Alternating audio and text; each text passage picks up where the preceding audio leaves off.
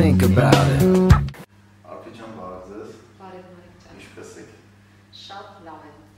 Ոնց հասկացա որ առաջի օրն օֆիսում դեր։ Ահա։ Ինչ զգացմունքներ կա։ Հետ գա քան Կարոտի, իհարկե, մի տեսակ ոնց որ ինձ ոնց որ վերադարձ դեպի անցյալ, որովհետև ես 1.5 ամսում ինքան բան կատարվեց, որ ոնց որ բանը մի ամբողջ տարի անցավ իրականում, ասենք ժամանակը այնուամենայնիվ ինչ որ երկար էր, էլի։ Ասենց հիմա վերադարձել եմ, փորձում եմ ինձ լավ զգալ ու ինձ համոզել, որ ամեն ինչ լավ է։ Ձեր ոլորտում այս ընթացքում ինչ լուրջ փոփոխություններ եղան։ Դե акցենտներ փոխվեցին իրականում բավականին լուրջ, որովհետև կրիզիսային վիճակում ես, որ գնում ես զարգացման, կրիզիսային վիճակում ես, եթե պետքա անկում ապրես, ավելի արագանում է այդ անկումը, իսկ եթե պետքա ինչ-որ նոր բան մտածես, միանգամից մտածում ես, ոնց որ կյանքը ստիպում է, որ ոնց որ ավելի արագ տեմպերով ինչ որ լուծումներ փորձես գտնել, հա, տարբեր բաներին։ Ու իհարկե մարդկային ռեսուրսների ոլորտում շատ բաներ կատարվեցին, եւ Հայաստանում, եւ իհարկե գլոբալ։ Իսկ եթե համեմատեք Հայաստանը գլոբալի հետ, Դե նույն process-ներն են, մի քիչ ոնց ասում եմ մակրո եւ միկրո, հա, ոնց որ միկրո աշխարհում արտացոլվում են նույն process-ները, ինչ որ կատարվում են մակրո աշխարհում։ Ես ոնց որ համեմատում եմ, քանի որ բավականին մեծ ցանց կա մարդկային ռեսուրսների կառավարիչների դրսում, որոնց հետ շփվում եմ, ամեն օր եմ շփվում, որ համեմատում եմ իհարկե զուգահեռները շատ են։ Ուղղակի մեզ մոտ երևի դեռ այդ արագությունը չկա, որը որ կատարվում է դրսում։ որովհետև շուկան փոքր է, էկոնոմիկան փոքր է, հա, երևի պատճառները դա է։ Բայց- Իրականում որ նայում ես, ասենք 50000 հոկանոց ընկերություններ, որ դրսում դա նորմալ է, մեզ մոտ ասենք ինչքան է մեր միջին, հա, բիզնեսի, ասենք երբ որ մենք 500 հոգի ունենք անձնակազմ, մենք գտնում ենք, որ դա արդեն ոնց որ լավ, նորմալ բիզնես է։ Իրական մեծ թիվ է Հա, մեծ Հայաստան թիվ է 500 հոգի։ Հայաստանի համար, իսկ դրսի համար 500-ը դա փոքր հիմնարկ է։ Իսկ ավելի հեշտ է մեծ հիմնարկներ կառավարել մարքային ռեսուրսների տեսանկյունից, թե փոքր քանակության։ Ակցենտների տարբերությունն է, ոչ թե հեշտի ու դժվարի տարբերությունն է, այլ քաղաքականության, ինչպես ես դու մարդկային ռեսուրսների ընդհանրապես դե ես ոնց որ իմ ոլորտից եմ, հա, խոսում, ինչ ակցենտներ ես դնում, ինչ քաղաքականություն ունես մարդկային ռեսուրսների կառավարման մեջ, ինչ հիմնական ուղություններ ա, որի մեջ պետքա ոնց որ զարգացնես, հա, քո մարդ-մարդ շփումը եւ տեխնոլոգիական լուծումները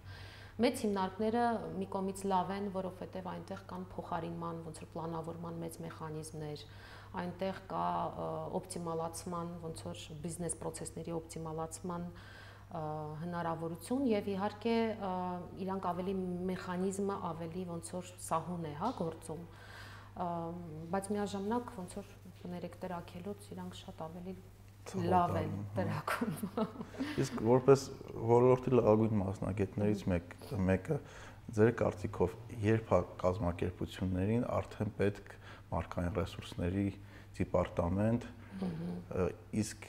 որ դեպքում է պետք օրինակ outsource անել այդ սերվիսը ձեր նման կազմակերպություններին ոնց որ կասկադն է Գիտեք, ոնց որ ինքը բավականին բարդ հարց է եւ ես կարծում եմ, որ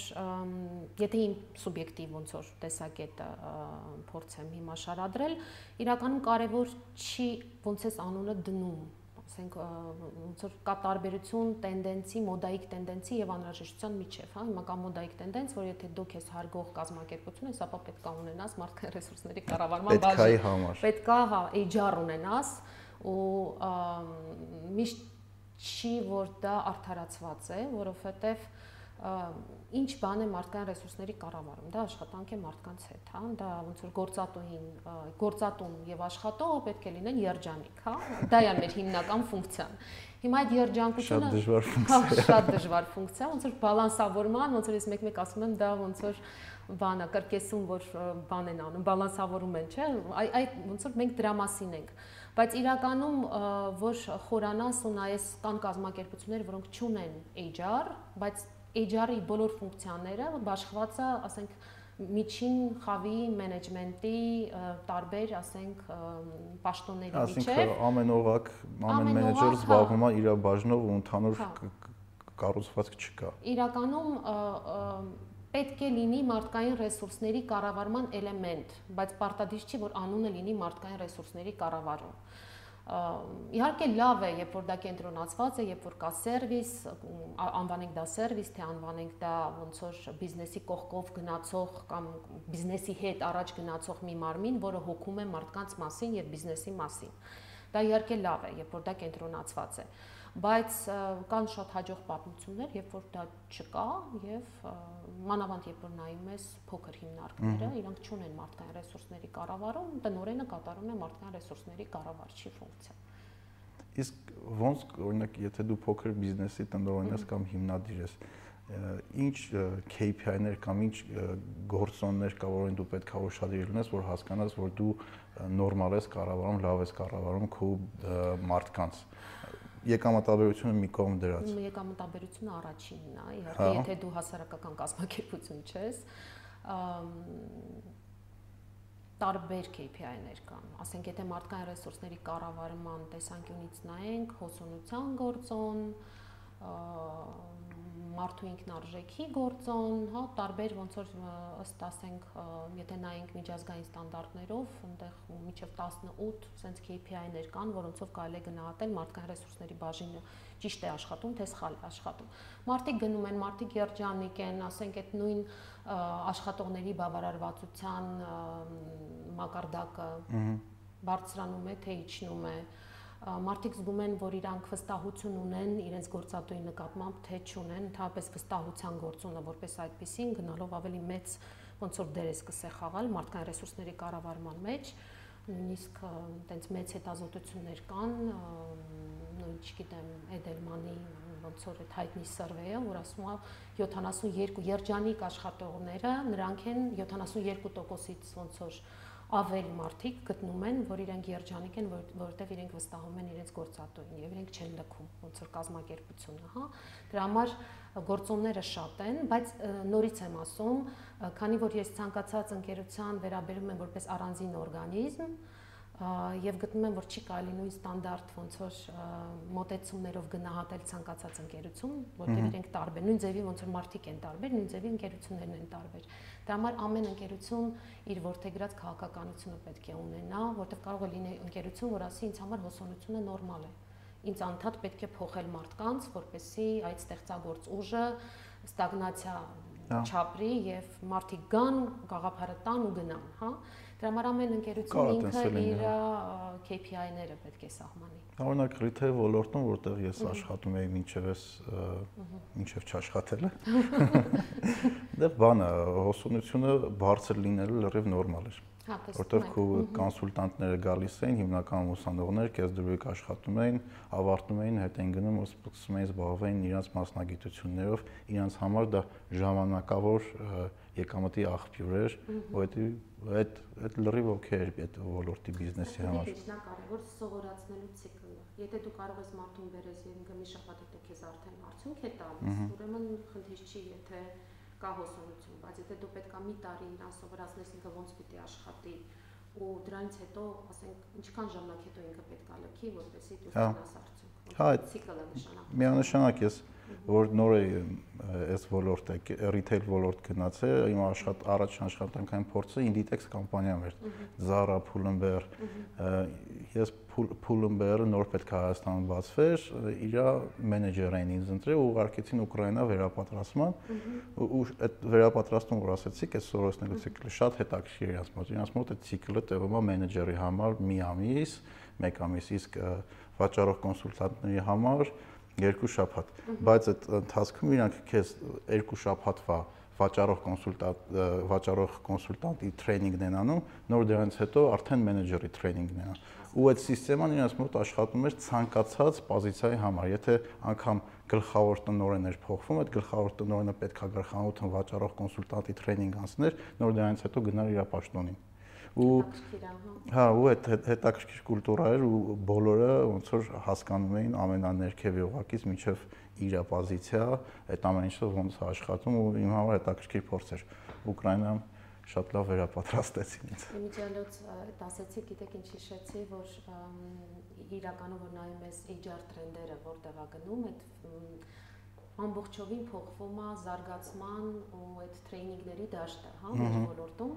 ու իրականում այդ augmented reality, այդ վիրտուալ, ասենք, տրեյնինգները շատ գնալով ավելի մեծ տեղ են զբաղվում։ Ես թվում է, վիրուսն է դա կարագացնի, կաքսելարացնի։ Շատ հետաքրքիր է բան էի կարդում best western հոթելների մասին, որ իրանք իրանք սպասարկող անձնակազմը ամբողջովին անցկացրել են վիրտուալ տրեյնինգների աշխարհ հենց խնդիրների լուծման, այսինքն ինչ ձևի խնդիրներ կարան բերեն հաճախորդները, որոնց հետ դու պետք է աշխատես։ Ու իրանք այտենց ոնց որ VR տեխնոլոգիաներով սովորում են,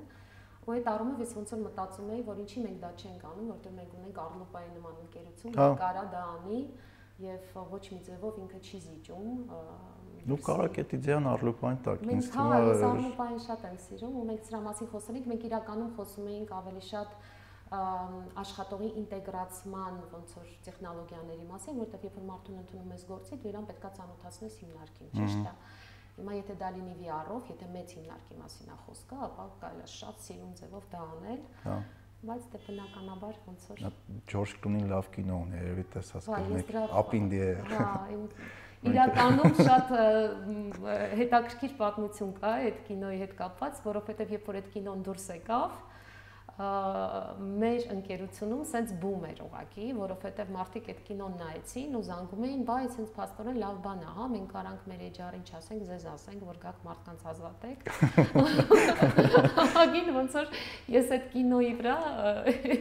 կինոյի վրա մոտ 1.5 տարի ոնց որ Հա։ լավ ոնց որ բան եմ արել պրոդուկտներ մշակեցիք հա հա դե ես չէ ցավոք սրտի հա իմ հենց կարիերան ազատումներից է սկսել դրա հա։ համար այդ կինոյի օրինակը ինչի հիշեցի որովհետև իրանք ինքն է իր կարիերան կարելի ասել կորցուներ են պատճառով որովհետև էջարները արդեն պետք չէ որ թռնեին կամ գնային ինչ-որ միտեղ օնլայն կարան այդ ձեր ասած VR-ով աշխատանքից ազատեն բայց ձեզ ինչ է թվում իրական VR-ով տրեյնինգ անելը կարա այդ կամպանիայի ճիշտ կուլտուրան, այդ մտնոլորտը, այնտեղ culture-ը փոխանցի աշխատակցին։ Իհարկե կախված է կազմակերպության քանակից, հա, մարդականակից։ Եթե դու, ասենք 15 հոկանոց ընկերություն ես կամ 50 հոկանոց ընկերություն ես, ինչ VR-ի մասին է խոսքը։ Բայց եթե դու արդեն հասել ես 1000-ի եւ չես կարող ամեն նոր ընդունվող աշխատողին տանել եւ ծանոթացնել ոնց որ գործադիր տնորենի հետ, կարող ես ունենաս ֆիլմ, որտեղ կա այդ ոնց որ ինտեգրացման ոնց որ մոմենտը։ Ամ ես ինքս քանի որ VR տեխնոլոգիաներ տեսել եմ Ամերիկայում, այս նախորդ տարի որ գնացել էինք, մեծ HR Expo էր եւ տարբեր HR ընկերություններ ներկայացնում էին տարբեր ապրանքներ, ապրանքներից մեկը հենց VR տեխնոլոգիաներով տրեյնինգներ ինքը ոնց որ մինի ատեստացիոն sense կենտրոն էր, երբ որ դու խաղի միջոցով դիալոգի միջոցով, ասենք մտնում էիր սենյակ, ինչ որ մեկը քեզ դիմավորում էր, ասում էր այսօր ղեկավարը ահա որ ջղայնացած է, մի մտի իր մոտ, ու դու պիտի ինչ որ բան պատասխանես, չէ, ես կմտնեմ կամ ես երևի մի փոքր կսպասեմ, ու տենց ինչ որ տարբեր տարբեր ինչ որ հարցեր, հետո մեկ ուրիշներ գալ, հետո դու մտնում ես ղեկավարի մոտ, ղեկավարը սկսում էր քո վրա գոռալ, ինչ ռեակցիա կտաս եւ այլն, շատ հետաքրքիր էր ու իրականում ինքը ոնց որ կյանքի սիմուլյացիա է, այսինքն այն ինչ որ իրականում կարող է տեղի ունենալ, գնում է դեպի վիրտուալ իրականություն, ու այդ վիրտուալ իրականության մեջ դու քեզ ցույց ես տալիս այնպես, ինչպես դու կաս։ Հա։ Իսկ ստրեսային իրավիճակում մենք իրականում ցույց ենք տալի մեր բոլոր դրական եւ բացասական կողմերը։ Համաձայն եմ։ Այդ այդ հարցը ինչի տվեցի, որովհետեւ մի հատ շատ լավ գիրք կա, կոչվում է Power of Habit։ Ահա։ Habit-ների habit հայերեն ոնց է։ Սովորություն։ Սովորությունների ուժը։ Այդ այդ գրքի մեջ դες ինքը շատ լավ օրինակ էր բերում, որ ցանկացած կամպանիայում դու չես կարա բոլոր գործիքները, կամպանիայի սաղ process-ները, բոլոր process-ները գրավոր ունենաս։ Կա ինչ որ տոկոս, կախված կազմակերպությունից այդ տոկոսը կլինի 10%, 20, 30, որը հիմնված է ոչ ֆորմալ սովորությունների ու մարդկանց շփումների միջև ու իմ կարծիքով այդ VR experience-ը այդ ոչ ֆորմալ շփումները չի կարողանալու սովորությունները նորմալ փոխանցի բայց դրանից շատ բան է կախված օրինակ եթե դու հատկապես այս վիրուսը լավ ցույց տվեց ստրեսային իրավիճակներում այն ինչ որ շուկան երբ որ սկսվում է փոխվի դու այդ փոփոխությունները չես կարող նախորդ կանխատեսես ու այդ ոչ ֆորմալ սովորություններից է կախված քո ֆիրմայի մոտ կստացվի հաղթահարել ճգնաժամը, թե չէ, որովհետև ոչ մեկ իրանց policy-ների մեջ չի գրում, եթե վիրուս լինի, մենք ոնց ենք աշխատելու այդ ժամանակ գալիս է հենց այդ կրեատիվությունը, այդ ոչ ֆորմալությունը, այդ սովորությունները, որ կամպանիաների մեջ կա, որը կարա կամպանիան կոտրի կամ ստեղծի։ Օրինակ HR-ները ինձ թվում է դուք այդ ոչ ֆորմալ կտորին շատ լավ տիրապետում եք այն կամպանիաների հետ, որ աշխատում եք ինչ որ աշխատանք այդ մասով տարվում է, փորձում եք այդ սովորությունները կամպանիաների փոխեք, տանեք ինչ որ ուրիշ ուղղությամբ, որը կարող ավելի պրոդուկտիվ եղնի կազմակերպության համար։ Դե իրականում խոսքը գնում է կորպորատիվ կուլտուրայի մասին, հա, հա եւ եթե նայում ենք կորպորատիվ կուլտուրայի շերտերը, մենք ունենք արտիֆակտեր, այսինքն այն ինչ որ տեսնում ես, այն ինչ որ կարող ես աչքով տեսնել, ձեռով բռնել, հա, ականջով լսել, եւ դա այն է ինչ որ ջրի երես ջրից վերև է, հա, այսինքն մենք դա տեսնում ենք միանգամից, բայց դրա տակ կան շատ ավելի խորքային բաներ։ Այսինքն կան ինչ որ նորմեր, կան ինչ որ ստանդարտներ, հա, ինչի մասին դուք խոսացիք, որ իրականում մենք ինչ որ բաներ գրում ենք, օրինակ հաճախորդների սպասարկման ստանդարտներ, պետք է չասես պրիվետ, պետք է ասես բարև, հա։ Բարև ջան։ Բարև ջան, հա, կամ հաճելի օր վերջում, հա, ինչ որ ստանդարտներ են գրում, հետո սովորացնում ենք, հետո դառնում է դա արտիֆակտ, որտեղ մենք մտնում ենք ու տեսնում ենք ոնց է ինքը սպասարկում, հա, իրականում։ Ասում է բարև, թե ինչ է հա։ ասում։ Ու դրա տակ արդեն գնում են արժեքները։ Այսինքն ինչ հիմնական սկզբունքներ ենք մենք որպես հիմք վերցնում, որի վրա կառուցում ենք լրիվ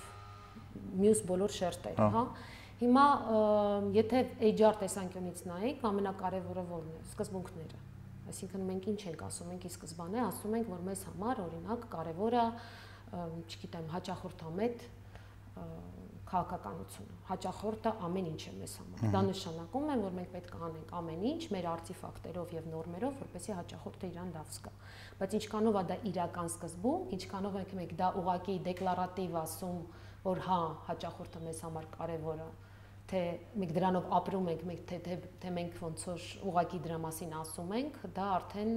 մի անգամից վերևում երևում է։ Հա։ Իրա ոնց որ արտացոլումը վերևը ստանում։ Բնականաբար սա կառուցվում է։ Բնականաբար, երբ որ դու տեսնում ես արտիֆակտեր, դու կարաս արդեն ինչ որ ձևի հասկանաս ինչ սկզբունքներ են ներքևում, հա։ Եվ արտիֆակտ փոխելով դու չես կարա սկզբունք փոխես։ Հա դու պետքա ներքևից կառուցելով գնաս։ Իհարկե մեր դերը շատ մեծ է եւ իհարկե փոքր դետալների մեջ է դրանց համախմբման մեջ է որ դու կարող ես մի փոքր акցենտ փոխես տանես ուրիշ ուղությամբ կամ ընդհակառակը փչացնես ամեն ինչ համաձայն ու այդ փոքր դետալները շատ կարևոր նշեցիք նայեք Հայաստանում այդ տենդենսը ես տեսել եմ մարդիկ տեսնում են այն մակերեսը փոքր դետալների մեջ չեն խորանում չի ստացվում բնականաբար, հետո ասում են քիչ ստացվեց։ Ու իրականում մասնագետին դու կարաս տարբերես հենց այդ փոքր դետալների հանդեպ ուշադրությամբ որտեղ այդ փոքր դետալներն իմ կարծիքով կամպանիան կամպանիա կլինի, պոլիտիկա կլինի, ոչ հասարակական կազմակերպություն կլինի, այդ փոքր դետալներն են տարբերում լավ ֆիրման փոքր վատ ֆիրմայից ու իրանք շատ լավ ярկ երևում են sense ճգնաժամերի ժամանակ։ Իհարկե։ Այսինքն այդ մակերեսը ցանկացած մարդը կարող գա ասի, սենց անենք, սենց անենք, սենց անենք, բայց դրա execution-ը կատարումը այդ կարողությունը փոքր դետալների հանդեպ հենց տարբերում է մասնագետին որը չեն կարողանում Հայաստանը լադեր լավ տեսնել իմ կարծիքով։ Գիտեք ինչ, ոնց որ երկկողմանի է, այստեղ նախ պետքա ոնց որ համակարգային մոտեցում ունենաս, այսինքն հասկանաս ինչի մասին է բիզնեսը ինչի մասին է, ուր է գնում բիզնեսը, որն է իր հիմնական սկզբունքները։ Ու հետո արդեն գնում ես դեպի դետալներ, որտեվ ընդհանուր համակարգը ճիշտ դնելու համար արդեն պետքա ճիշտ ոնց որ ամեն ինչ դասավորես, հա, ու ամեն դետալ կարող է այդ ընդհանուր համակարգի վրա ազդի։ Այ այս մոտեցումը ոնց որ ձեռով պիտի աշխատես, ոչ հա։ թե ոչ թե մեծ գաղափարներից խոսած, այ ձեռով իրոք պետք է աշխատես ու այդ փոքր փոփոխությունները ազդում են մեծ համակարգի ճիշտ կամ սխալ լինելու վրա։ Իսկ եթե նայենք օրինակ Հայաստանի ամենաակտիվ սեկտորին մարդկային ռեսուրսների առումով IT ոլորտին ինձ թվում է չեմ սխալվում, չէ, ամենաակտիվ այդ շուկան այս բայդրությամբ HR-ի մասով տարբեր ակտիվություն կա։ Հա, IT սեկտորը ինքը ոնց որ զարգացած է։ Ու պահանջարկի այդ ծրագրավորողների, ինժեներների հանդեպ իմ համանայն դեպս իմ տեսածով հա։ ահագին շատ ավելի բարձր է, քան մնացած մասնագիտություններ էս պահի դրությամբ։ Ու հետաքրքիր է, որ շատ IT կամպանիաներ կոպի են անում, նեք Google-ը կամ Facebook-ը կամ Apple-ը ոնց է փորձում իր աշխատողներին վերաբերվի, չգիտեմ, free lunch, անվճար լանչեր են տալիս, մրգեր են բաժանում, ինչ որ տարբեր բենեֆիտներ են տալի։ Ձեզ ոնց է թվում այդ ոնց հարցը ճիշտ ձևակերպեմ։ Պրոստը կոպի է, թե մարդիկ հավատում են այդ արժեքներին, որ դու պետքա կարողանաս քո աշխատողներին մաքսիմում շատ բենեֆիտ տաս, որովհետև եթե տենդենսները նայենք միջազգային այսօր կազմակերպությունների համար հատկապես ստեղծագործ ոլորտներում ասենք 20-րդ դարի սկիզբը չէ, դու գործան մի հատ բորդ չես պատտում։ Այսօր դու աշխատում ես հիմնական քո ուղեղով ու կարելի է պնդել, որ կամպանիաների համար այսօր քո հիմնական միջոցը, ամենա քո առավելությունը քո թիմն ու աշխատակիցներն են։ այդ կուլտուրան կարելի ասել որ Հայաստան եկել է ու IT ոլորտը որ փորձում է այդ կուլտուրան բերի շուկա իրականում իրանք այդ արժեքներին հավատում են թե չէ հետաքրքիր հարց է իրականում ոնց որ սկզբից որ ասում էի տարբեր ընկերություններ HR ոլորտում ունեն տարբեր акցենտներ, հա Եթե մենք նայենք IT ոլորտը, ինչի ենք մենք հիմա, ինչի դուք հիմա ասեցիք, որ IT ոլորտը ոնց որ ակտիվ է HR տեսանկյունից, IT ոլորտը ոչ թե ակտիվ է HR տեսանկյունից, ուղղակի IT ոլորտը շատ մեծ акցենտ է դնում հավաքագրման վրա։ Իսկ հավաքագրումը ինքը շատ ավելի պոպուլարիստական է, հա, այն ինչ որ կատարվում է ներսում, ինքն էլ է HR, պարտադիր չի որ դու recruitment անես, որ դու լինես HR։ Ուղղակի ոնց որ IT ոլորտում հիմա մեզ մոտ շատ ուժեղ ուղեղների recruitment-ն ավելի ակտիվ է։ Ավելի, հա, շատ ակտիվ է recruitment-ը, որովհետև մենք ունենք շուկայի առաջարկի ու պահանջարկի ոնց որ անհամապատասխանություն, հա, որը որ կարծես թե կամած-կամած գնալով ոնց որ ավելի լուծումներ է հաստանում, որովհետև շատ երիտասարդներ հասկացել են, որ այս ոլորտա պետք գնալ եւ մենք ոնց որ լավ զարգանում ենք այդ ուղությամբ Եվ քանի որ IT ոլորտում դու ունես լուրջ խնդիր, որ պետքա պահես, ում որ բերել ես, այլապես իրան հետհանդ կանեն ու կտանեն ուրիշ տեղ, այդ պահելու համար դու պետք է անես ամեն ինչ։ Եթե պետքա իրան կանֆետ տալ, դու կանֆետ ես տալ, եթե իրան պետքա մասաժ անել, դու իրան մասաժ ես անում։ Ու քանի որ մարդկային երևակայությունն էլ ինքը իհարկե լիմիտներ չունի, բայց եթե կա լավ փորձ, որը որ կիրառվել է ինչ որտեղ դու կարաս այդ փորձը ուսումնասիրես եւ փորձես կիրառել ստեղ, բնականաբար դու գնում ես այդ ճանապարհով։ Բայց եթե խոսանք ընդհանուր տենդենսների մասին, ասենք ոնց անես, որ մարդ քո մոտ մնա, հա։ Հիմա ավելի ու ավելի իմ գոլեգաներ դրսում ոնց որ ասում են, որ ժողովուրդ դաթարեք զբաղվել ծնո ծնողի ոնց որ վարվելակերպը դուրս բերեք ձեր մեջից, հա, HR-ը ծնող չէ, parentheism հասկացողությունը ինքը այլևս չի աշխատում ասենք երբ որ դու զանգում ես, մեյլ ես գրում, ասում ես չմոռանաս ժամը 12-ին մեզ մոտ աշխատանքի արդյունքների performance appraisal-ը տեղի ունենում, չմոռանաս մտնես կամ կարող է գլուխը ցավում ինչ անեմ քո համար, հա, կամ չգիտեմ, ինչ ձև ես ուզում քո գրաֆիկը լինի եւ այլն եւ այլն, այսպես ասած ընկնել աշխատողի հետևից եւ իրան հիշացնել ինքը ինչ պիտի անի, ինչա մտնում իր պարտականությունների մեջ, ինչ ինքը կարա անի, ինչ ինքը չի կարա անի եւ այլն եւ այլն, որը առաջ ոնց որ շատ ավելի տարածված էր, հա, ինքը գնալով իրան չի արդարացնում։ Եվ ստեղ ոնց որ եթե առաջ ծնող երեխա վերաբերմունք էր, акցենտները շեղվում են դեպի մեծահասակ, մեծահասակ ոնց որ վերաբերմունքը։ Ինչա՞ քեզ պետք, որ դու լավ աշխատես։ Հա։ Պետքա քեզ performance appraisal արա, performance appraisal։ Ուզում ես 4-ին արա, գրի, անենք։ Ոչ թե ես քեզ հիշացնեմ, այլ դու ինքդ որպես աշխատող ինձ ասա, ինչ տրեյնինգներ ես դու ուզում, ինչ ուղղությամբ ես դու ուզում զարգանաս, ինչ լրացուցիչ հմտություններ են քեզ պետք, սեղանդ լուսավորությունը վատնա, փոխելա պետք, կարի ասա, ոչ թե ես գամ քեզ հարցնեմ, այլ դու ինձ արի ասա, հա, որովհետև ես ուզում եմ, որ դու լինես երջանիկ։ Հիմա այդ ոնց որ որ նայում ես դուրս, իսկապես այդ շեղումը կա ավելի շատ, այդ որ ասում են վերևից ներքև, թե ներքևից վերև, հա, պետքա ղեկավարումը լինի ոնց էինք մենք առաջ ընտրություն անում մարդկանց։ Մենք ունեինք job description, աշխատանքի նկարագիր, տալիս էինք հայտարարություն այդ աշխատանքի նկարագրի տակ մարդ էինք ման գալիս, հետո ասում էինք ինքը համապատասխանում է թե չի համապատասխանում։ Եթե դու ուզում ես տաղանդ բերես, եթե դու ուզում ես լավ մասնագետ բերես մանավանդ IT ոլորտում, հա, ոչ թե պետքա աշխատանքի նկարագրով իրան գտնես, այլ դու պետքա տեսնես ով կա շուկայում եւ ինչ էս մարդիկ կարան անեն։ Ու երբ որ ձևավորում ես թիմդ, արդեն ձևավորես, այսպես ասած, ելնելով նրանից ով կա եւ ինչ է ինքը ուզում եւ ինչ ինքը կարա անի։ Այսինքն դու պետքա շատ լավ շուկային տիրապետ ես։ Միանշանակ։ Միանշանակ։ Իսկ հեշտ է այդ կադրերին գտնելը։ Ունեք ինձ թվում է Հայաստանում ամենադժվար գտնվող կադրներից մեկը տնօրեններն են։ Լավ տնօրենները։ Գիտեք, չէ։ Չէ։ Ես քանի որ մեր ընկերությունը ավելի շատ հենց executive search-ի մեջ է, հա, մենք ոնց որ հենց միջին եւ բարձր օղակի ոնց որ ղեկավարների փնտրտուկով ենք զբաղված ես կարող եմ ասել որ մենք ունենք շատ բանիմաց եւ շատ հետաքրքիր փորձ ունեցող կադրեր, որոնք ուղակի ինչ որ պահին ուզում են այլ փորձ իրենց կյանքում։ Ու մենք քանի որ հետհանտինգ չենք անում, մենք ուղակի գիտենք ովքեր կան ովքեր են որոնք որ մեզ դիմում են ասում են այ եթե լինի մեզ նկատի ունեցեք մենք երբեք ոնց որ ուղիղ չենք գրում ու չենք ասում այստեղ այս ընկերությունում կա ոնց որ այսպիսի պաշտոն կուզենաս դիմել թե չէ, հա։ Այսինքն այդ executive level-ի մասնագետները ձեր կազմակերպության մասին տեղյակ են, ձեզ ճանաչում են ու իրանք դիմում են ձեզ, որ մենք ինչ որ փուլում հետաքրքրված կլինենք աշխատանքը փոխենք։ Իրականում այո։ Ու նաև կազմակերպություններն են ձեզ դիմում ու դուք ոնց որ մեջ եք անում իրար հետ հիշում եք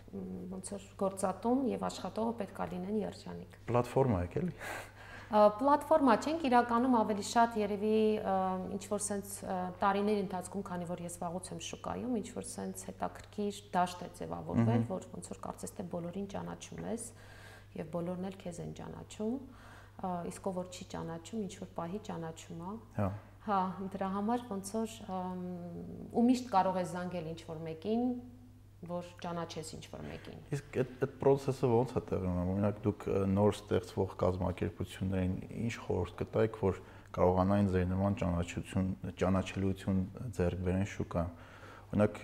ես ձեր մասին իմացել եմ ընկերոջիցս։ Ահա հետո դուք ինձ դաս եք տվել ասինքն միջև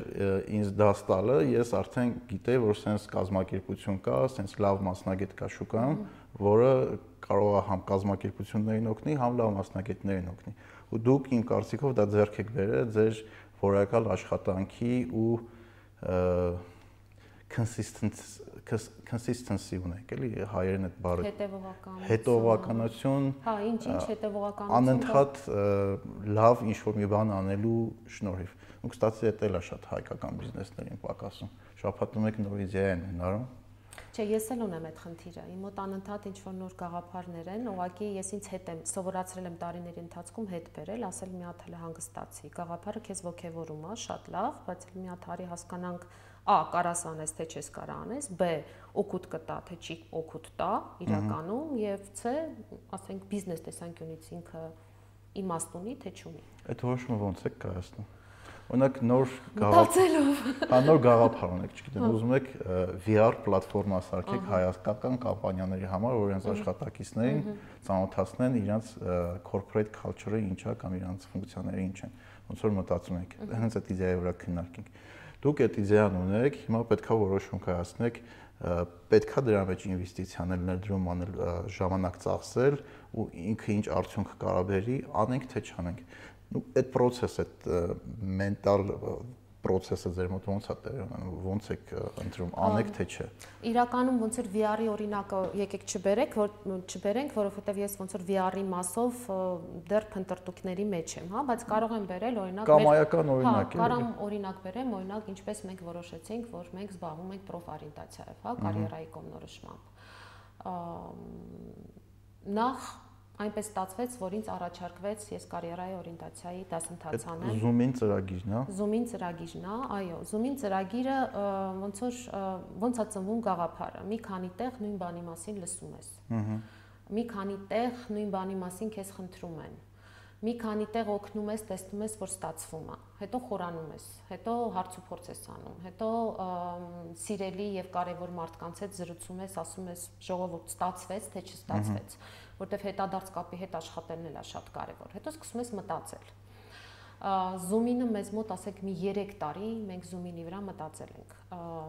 որտեվ ես երևի բնույթով պերֆեկցիոնիստ եմ, ասենք պետքա հաստատ հավատամ, որ այն ինչ որ անում եմ, լինելու է աշխատող եւ օգուտ տալու մարդկանց այլապես չեմ անի մտածում ես հետո բյուջե ես կազմում ինչ ասենք կոմպոնենտներից ա որ կոմպոնենտներն են որ դու ասում ես լավ ծրի կանեմ օրինակ դասավանդումի իմ մոտ ես դասավանդումից Zoom-ի ծրագրի դասավանդումից ես գումար չեմ աշխատում անվճար տրամադրում եք ահա չէ ոչ թե անվճար եմ տրամադրում այլ իրա գնահատման մեջ մտածչի իմ աշխատանքը հա, հա որովհետև ինքը նաև կասկադի համար սոցիալական ոնց որ պատասխանատու ծրագիր է, հա, որտեղ մենք հասկանում ենք, որ գաղափարը որպես այդպեսին շատ կարևոր է, որ մենք պետք է օգնենք երիտասարդությանը, որ իրանք չսխալվեն մոտակա 7 տարվա ընթացքում եւ գնան այն ուղությամբ, որը որ իրենցն է եւ ոչ թե թելադրված է ծնողի կամ մոդայիկ տենդենսների կամ միտեղ լսախ ընկերս գնում է պրոգրամիստ դառնա, ես է գնամ պրոգրամիստ դառնա, ոնց որ այն կողքի ձայները, որ մենք լսում ենք, իրենք իրենք խանգարում են մեզ, որ մենք մեր եսը գտնենք, հա։ Ոնց որ գաղափարը ինքը ամբողջովին իմն է։ Ահա ինչպես եմ ես ընդհանրապես մոտենում կյանքին, հա, որ պետք չի դու պետքա քո եսը գտնես ու հասկանաս ուր ես դու ես կյանքում ուզում գնաս։ Գաղափարը մի կողմից եւ երկրորդը իրա օգնելու կոմպոնենտը մյուս կողմից։ Ինչպես էս դա մոնիտիզացիայի ոնց որ բերում, դա արդեն երրորդ этаպն է, երբ որ նստում ես, հաշվարկում ես, հասկանում ես, որ ասենք, չգիտեմ, լավ, ես 2 տարի սրանից գումար չեմ վաստակելու, բայց ինքը այնպիսի ծրագիր է, որ ինքը ոչ միայն Հայաստանում կարող է մեծ տարածում ստանա, այլև ինքը գլոբալ մասշտաբով կարող է բավականին լուրջ փոփոխության հա վերել։ Ա, ու քանի որ ես այդ հետադարձ կապնել ունեմ իմ գոլեգաներից, որոնք նմանատիպ ծրագրեր են անում, ասենք Հորդանանում, Վիետնամում, Եվրոպայում, հա, Լեհաստանում, ասում են շատ լավ ծրագիր է, ես հասկանում եմ, որ ինքը ունի ապագա։ Այսինքն խոսել, հաշվել, ողքեվորվել, ընդհանրապես գործի 90%-ը, երբ որ դու ողքեվորված ես գաղափարով։ Ու երևի ամենակարևոր բանը, որ ես կյանքում ես երևի բիզնեսում անում եմ, որ ես միշտ գնում եմ ռիսկի Ես երբեք չեմ մտածում, որ չի ստացվի, եթե ինձ դուր է գալի գաղափարը, ինքը պետք է ստացվի։ Իսկ օրինակ շատ շատ լավ բան ասացիք, էլի հետաքրքիր էր, բայց դուք ասացիք դուք գնում եք ռիսկի։ Օրինակ շատ շատ աղջիկներ Հայաստանում այդ ռիսկին չեն գնում, որ իրանք իրանք բիզնեսը սկսեն, իրանք իրանք ուզած կրթությունը ստանան կամ իրանք ուզած պաշտոնը ստանան։ Այդ աղջիկներին հենց ինչ խորհուրդ կտայիք, որ իրանք ավելի տենց ռիսկով լինեին ու չվախենային իրանց երազանքները կամ իրանց ուզած պաշտոնը կրթությունը ստանալու համար։ Գիտեք, դա իհարկե հոգետիպ է ռիսկի գնալը, որովհետև կան մարդիկ, որոնք իրանց տիպելով, երբ որ գնում են ռիսկի, իրանք իրանց կոտրում են։ Կան մարդիկ, որ բոլորը չեն, որ պետքա լինեն բիզնես բացեն ու այդ բիզնեսը դա էլ է մոդայիկ տենդենս, ասենք հիմա որ երիտասարդությունը հարցում ես, բոլոր ուզում են բիզնես բացել։ Հա դե, կա տենց տենդենս։ Որը որ հա, իրական լավինս է շատ է գալի, շատ շատ շատ շատ է գալի, որ մարդիկ փորձում են իրենց սեփականը բացեն։ Ոնց որ առանձնահատկություն, ասենք նույն իմ տղան, ոնց որ 20 տարեկանից ասեց ես իմ բիզնեսը պիտի ունենամ, ոչ ոքի վրա չեմ աշխատելու եւ այլն։ Ու ես հարգում եմ այդ տեսանկյունը բայց ռիսկի գնալու ոնց որ մտածելակերպը ու հոգեվիճակը ոչ բոլորին է բնորոշ։ Ասենք կան բիզնեսմեններ, որոնք նստած ամեն, չգիտեմ, բանը հաշվում են ոնց անեն, վայ, չէ, վայ, այսքան այսքան ստացվի, կստացվի վերջում իմաստ չունի։ Լավ, այս գաղափարը դրեցի մի կողմ այ մի քիչ այդ պիտի չլինի, հա, մի քիչ երբ որ դու հաշվարկ ես անում, մի քիչ էլ պետքա ոնց որ քայլ անես, ասես լավ, Չեմ ասում գնանք վառվենք, հա, բոլորս, բայց ինչ որ մի հատ քայլ պիտի անես, որ ասես, չէ, այս ոնց որ ված սցենարն է, մի հատ էլ լավ սցենարն է, ոնց կլինի, ու պայքարես այս լավը ստանալու համար։ Վատին ոնց որ համակերպվես, որ վատի դեպքում, ասենք, չգիտեմ, մենք հիմա ծրագիր ունենք, անունը չտամ, մենք այնտեղ 2 միլիոն փող ենք կորցրել, հա, որովհետև կորցրել ենք, որովհետև ված սցենարով գնաց, որովհետև կորոնավիրուս տեղի ունեցավ, որը որ մենք չէինք կարող, հա, կանխատեսեինք բնականաբար, բայց ված սցենարը, երբ որ դու հասկանում ես, որ ված սցենարի դեպքում մաքսիմում, որ դու կարաս կորցնես, սա է։ Հմ։ Ու անես ամեն ինչ, որ լավը տեղի ունենա։ Այ ոնց որ այդ ռիսկի գնալը, ոտ լավի ու վատի ոնց որ հարաբերական անալիզն է, հա։ Հա, իրականում համաձայն եմ ձեր հետ ու ինձ թվում է հա, հասարակական կարծիքը կառուցվածքի հետ էլ շատ կապ ունի, էլի, որովհետև մեր մեր համեն դեպս մեր շրջապատում Հայաստանում այդ կրիտիկան շատ շատ է մարդկանց օրինակ բացատրելը որ դու կարող ես ինչ-որ մի բան սկսես ու դա կարա չստացվի ու ամենայն հավանականությամբ դա չի ստացվելու բայց դու չպետք է վախենաս ինչ են ասելու դրա մասին քեզ որովհետև Եթե դու սպասես, որ քեզ պետքա գովան, ասեն, գիտես ինչ, դու լավն ես, քո մոտ ամեն ինչ կստացվի, դա կարող է միշտ երբեք չլինի։ Դու պետքա կարողանաս այդ քրիտիկայի որով անցնես, մեջդ ուժ գտնես, հաղթահարես այդ ամենը ու սկսես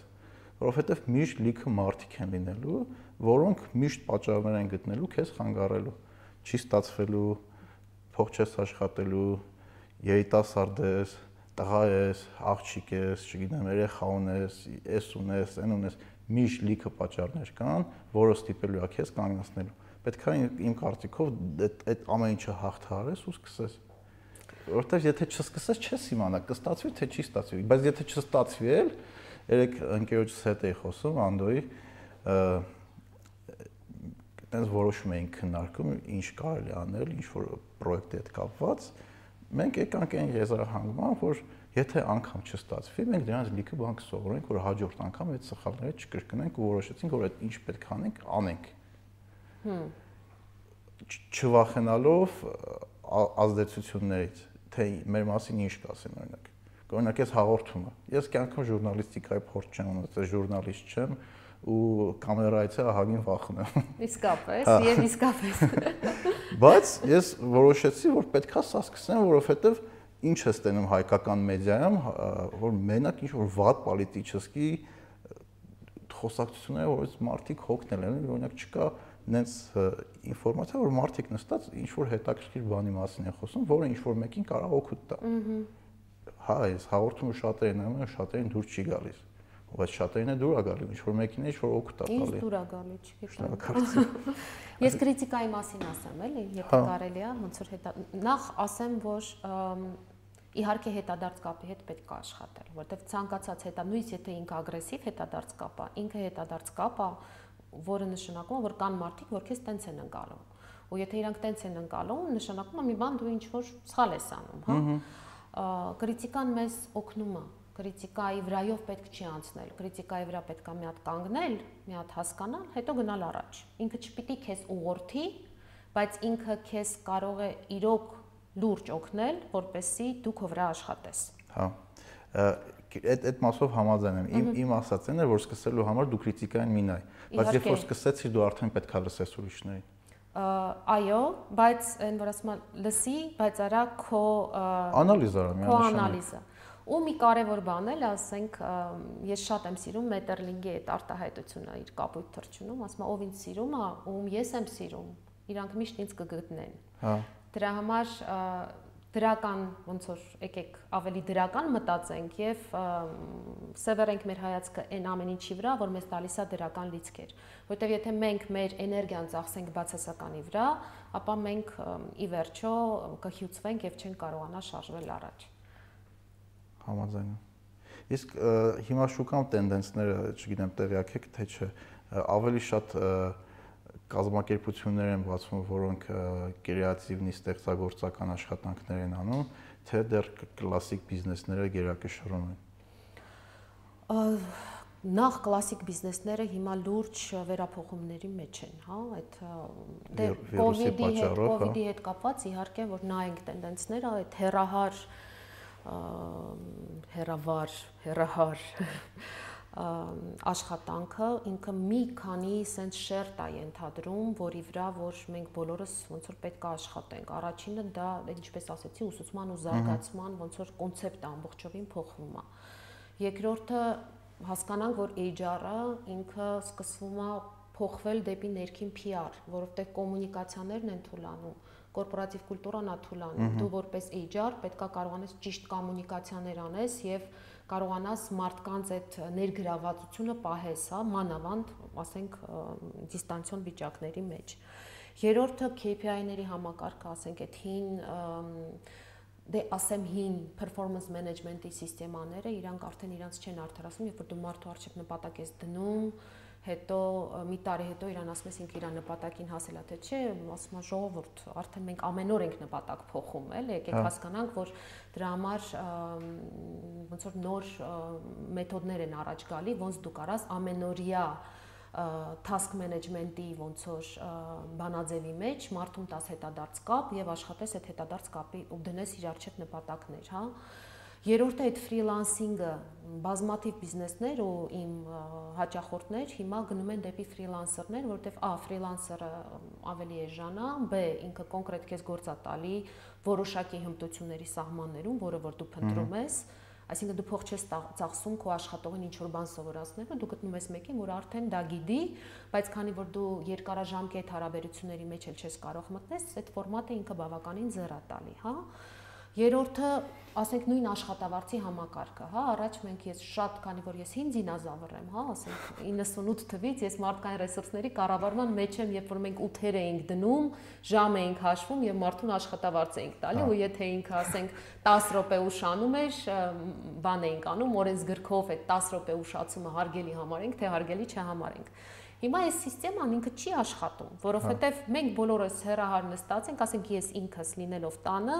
ճաշ եփելու եւ հարթուկելու միջև վեբինար եմ անում եւ ասենք ինչ ժամավարձի մասին է խոսքը։ Փորձել եք հարթուկելով վեբինարը։ Հարթուկելով վեբինար լսել եմ։ Իրականում տենց էլ անում եմ, ասենք իմ հարթուկի ժամերը վեբինար լսելու ժամերն են, երբ որ ես չեմ մասնակցում, ուղղակի լսում եմ, բայց դե վարելը չի իհարկե։ Ես բան վեբինարներ լսում եմ, երբ որ բան եմ, միս եմ սարքում, տենց հա։ ամեն իրում փորձում եմ իմ հա, ականավոր տանեմ ինչ-որ մի բան սարքեմ սարքելու ընթացքում միշտ լսում եմ։ Ընդհանրապես երբ որ զուգահեռ մի բան է, ամետ կանանց մոտ իմիջիալոց շատ լավ է։ Մենք հա, զուգահեռ կարող ենք շատ բաներ անել, ասենք տղամարդը եթե մեքենա է քշում, ինքը մեքենա է քշում ուրիշ ոչ մի բան, այդ մոմենտ, որ իրան հարցնում ես ինչ ես մտածում, ինքը ոչ մի բան չի մտածում, ինքը մեքենա քշում։ Իսկ մենք ավելի չենք մտածում։ Մի ֆունկցիա կա տեղամարտը մեքենա քշելուցանի թևը դուրս անել։ Հա, թևը դուրս անել, հա, ոնց որ, հա, այդ թևը դուրս անելն էլ է բան իրականում ոնց որ աշխատավարձը ըստ արած գործի, հա, աշխատավարձը ըստ տված արդյունքի եւ այս ամբողջը փոխում է կոնցեպցիա։ Այս ամբողջը փոխում է մոտեցում մարդկային ռեսուրսների կառավարման ոլորտում։ Այդ նշանակում որ մենք էլ նոր հմտություններ պիտի ունենանք, մենք էլ նոր տեխնոլոգիաներ պիտի մշակենք, մենք էլ պիտի հասկանանք տնից նստած մարդուն ինչպես կարելի է մոտիվացնել, որ ինքը լիլի լոյալ ընկերության նկատմամբ, հա, այսինքն լրիվ ուրիշ մեթոդաբանություն, փիլիսոփայություն եւ լրիվ ուրիշ աշխարհ։ Հա ու շատ լավ օրինակներ կան, ինչպես են դա մեծ կորպորացիաներ օրինակ դրսում անում, ասենք նույն Microsoft-ը իր, ասենք հենց առաջին օրվանից, եթե չեմ սխալվում, շատ լուրջ ոնց որ ուղղությամբ աշխատեց, որ իր աշխատողներին տա ուղեցույց, ինչպես աշխատել հերահար եւ տալ արդյունք, հա նույն չգիտեմ նույն կարդում էի Twitter-ներ հայտարարություններ տարածել, որ իր աշխատակիցները էլ երբեք կարան օֆիս հետ չգան։ Հա, դե կարող է մենք է տենց անենք, ես չգիտեմ, որովհետև փորձը ցույց տվեց, որ մենք այս 1.5 ամիսը շատ արդյունավետ աշխատեցինք ու շատ հավեսով ու շատ մոտիվացված եւ այդ այսպես ասած ոչ ստաբիլ աշխատանքային ժամերը, երբ որ դու կարաս գիշերը 11-ին էլ մի բան անես, բայց ցերեկը 3 ժամ հարթուկանես, ինչպես ասեցի, մարդ ինքը ունի իր կենսաբանական ժամերը, երբ որ ինքը ակտիվ է, ու ինքը ընտրում է երբ է ինքը դա անում։ Հա, շատ շատ բաներ կփոխվի բիզնեսը միանշանակ։ Ու փոխվում է, ու լավ է, ինձ դուր է գալի։ Հա։ Ինձ շատ է դուր գալի։ Բայց ձեր աշխատանքը ավելի չի դժվարանում։ Ես իրականում առանց մարտահրավեր, քանի որ ապրել չեմ կարող, երբ որ չկա մարտահրավեր, ինձ հետաքրքիր չի։ Դրա համար այս կ ូវ իդի շրջանը ինձ համար ոնց որ շատ հետաքրքիր էր հասկանալ ուր ենք գնում, հասկանալ ինչ կարելի է անել։ Իհարկե մենք հիմնականում սոցիալապես ոնց որ պատասխանատու ծրագրեր էինք անում, մենք վեբինարներ էինք անում եւ պրոֆօրիենտացիայի եւ հիմա էլ էլ ունենք ժամը 7-ին տարբեր մասնագիտություններ ինչ ուղություններով են գնում որովհետև մասնագիտություններն են փոխվում, ասենք project management-ն է փոխվում, marketing-ն է փոխվում, PR-ն է փոխվում, sales-ն է փոխվում, բոլոր մասնագիտություններում պետք է reskilling եւ upskilling, հա, հմտությունների ինչ որ նոր բազա։ Այ ոնց որ փորձում ենք հասկանալ եւ օգնել մեր շուկային, որպեսզի համապատասխան մասնագետները հասկանան ինչ սովորեն եւ ինչ հմտություններ ձեռք բերեն։ Ու այդ անընդհատ փոխվում է։ Հա, հիմա հիմա շատ ակտիվ է փոխվում, այսինքն պահանջները տարբեր մասնագիտությունների նկատմամբ փոխվելու են ըստ կ ូវ իդից հետո։ Ու երևի դուք մարդկանց էլ այդ մեսեջը հասցնում եք, որ հատկապես Zoom-ին ով ինձ թվում է, որ արդեն մի մասնագիտությունը ժամանակակից մարդու համար քիչ է։ Իհարկե։ Ճիշտ եմ, չէ՞ հասկանում։ Շատ լավ բան եք ասում։ Ես միշտ ոնց որ դա շեշտել եմ ու շեշտում եմ։ Նայեք, խոսքը գնում է մրցակցային առավելության մասին։ Ասենք դու մասնագետ ես ինչ որ ոլորտում ինչով դու որպես մասնագետ կտարբերվես մյուս բոլոր մասնագետներից, որ ունենաս բարձր գին։ Դա բացի նրանից, որ դու լավ մասնագետ ես քո ոլորտում, դա նաև են բոլոր ածանցյալ հավելյալ հմտություններն ու գիտելիքներն են, որ դու քո մասնագիտության շուրջ առընթեր առնչվող ոլորտներից ձեռք կբերես եւ կգումարես։ Այսինքն, օրինակ, դու, չգիտեմ, HR ես, բայց դու նաև գիտես SMM։ Հա։ Դու HR ես, բայց դու նաև PR գիտես Դու HR ես, դու հոգեբանական կրթություն ունես, դու HR ես, դու լավ տեքստեր ես գրում։ Այսինքն տարբեր բաներ, որը կգան կավելանան քո բուն մասնագիտությանը եւ քեզ կդարձնեն անփոխարինելի։ Հմ։ Իսկ կարելի է բնդում անել, որ սպեցիալիստները սպեցիալիստների պահանջարկը շուկայում ընկնում է ավելի շատ կազմակերպություններին ջեներալիստներ են պետք, որոնք տիրապետում են մի քանի հմտությունների։ Գիտեք, մեծ հիմա վեճեր են այս հարցի շուրջ։ Մի կողմից ոնց որ մենք նույնիսկ վեբինար էինք այս 3 օր առաջ դրա մասին էինք խոսում, որ պետքա մի հատ հասկանալ, որ ուղղությամբ շուկան գնում։ Ես այս հարցի պատասխանը չունեմ։ Մի կողմից, եթե քեզ պետքա լավ տեքստ գրող, քեզ պետքա լավ տեքստ գրող, բայց մյուս կողմից էլ այդ լավ տեքստ գրողը պետքա թեման հասկանա։ Այսինքն, եթե ինքը տեքստ է գրում HR-ի մասին, օրինակ, ինքը պետքա HR-ից հասկանա։ Ինչ ստացվեց, ստացվեց հարակից։ Հա։ Հա, դրա համար ու ձերքով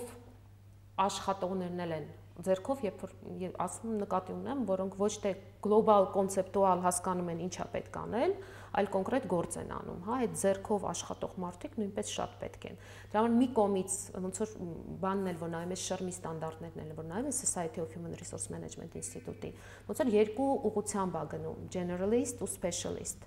Առաջին 3 этаպը նույնն է։ Դու սովորում ես, մի քիչ խորանում ես, մասնագիտանում ես։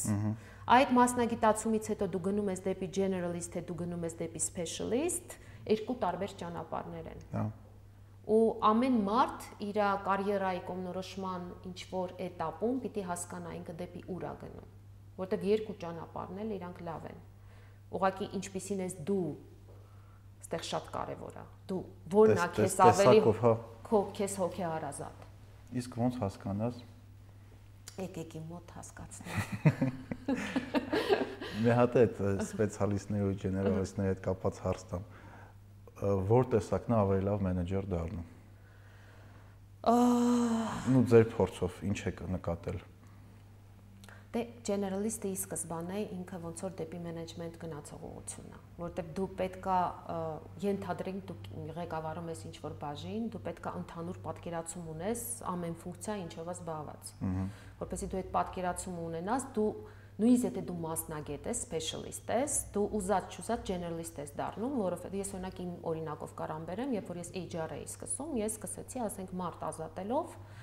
ոնց որ հիշում եմ այդ ժամանակները եւ կոնտրակտ գրելով։ Կոնտրակտ էի գրում ու մարդ էի ազատում։ Հետո ինձ տվեցին աշխատավարձի բաժինը։ այդ ի՞նչ է նշանակում։ Ես է աշխատավարձ հասկանամ, չէ՞, է հասկանամ ոնց է իմ աշխատողը դա հաշվում, հա? Այսինքն կյանքը ինձ տիպեց, որ ես էս էլ հասկանամ, հետո սկսեցի recruitment անել, հետո սկսեցի մոտիվացիոն սխեմա անել, հետո սկսեցի performance appraisal անել։ Կային մարդիկ, որոնք դրանով զբաղվում էին, բայց որպես իրանց ղեկավար ես, որպեսի քեզ հարգեն, դու պիտի գոնե մի բան հասկանաս նրանից ինչ որ այդ մարդը անում է։ Շատ կարևոր կետ եք ասում քեզ պետքա վստահեն ոչ միայն որպես մարդու, եթե դու ղեկավար ես, նաև պետքա վստահեն քո գիտելիքին ու քո որոշումների ընդունման արժանահավատությանը, հա? Դրա համար դու պիտի հասկանաս, երբ որ դու որոշում ես կայացնում։ Իսկ հիշում եք այն պահը, երբ որոշեցիք, որ պետք է աշխատանքից հեռանաք ու ձեր կազմակերպությունը ստեղծեք։ Հա, շատ լավ եմ հիշում, շատ կպատմեք դե ոնց որ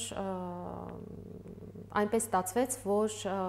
սեփականատիրոջ կողմից այդ ժամանակ Խաֆեջյանի ոնց որ խմբի մեջ էինք եւ սեփականատիրոջ կողմից Խաֆեջյանի կողմից որոշում ընդունվեց, որ ինքը կասկադ capital-ի ամբողջ հիմնարկները հերթով վաճառում է։ իսկ Cascade Consult այն ժամանակ Cascade Consultants էր, մեր իրավաբանական անունը Cascade Consultants-ա, բրենդը Cascade People and Business-ա։ Cascade Consultants-ը այն ժամանակ ոնց որ նոր էր բացվել եւ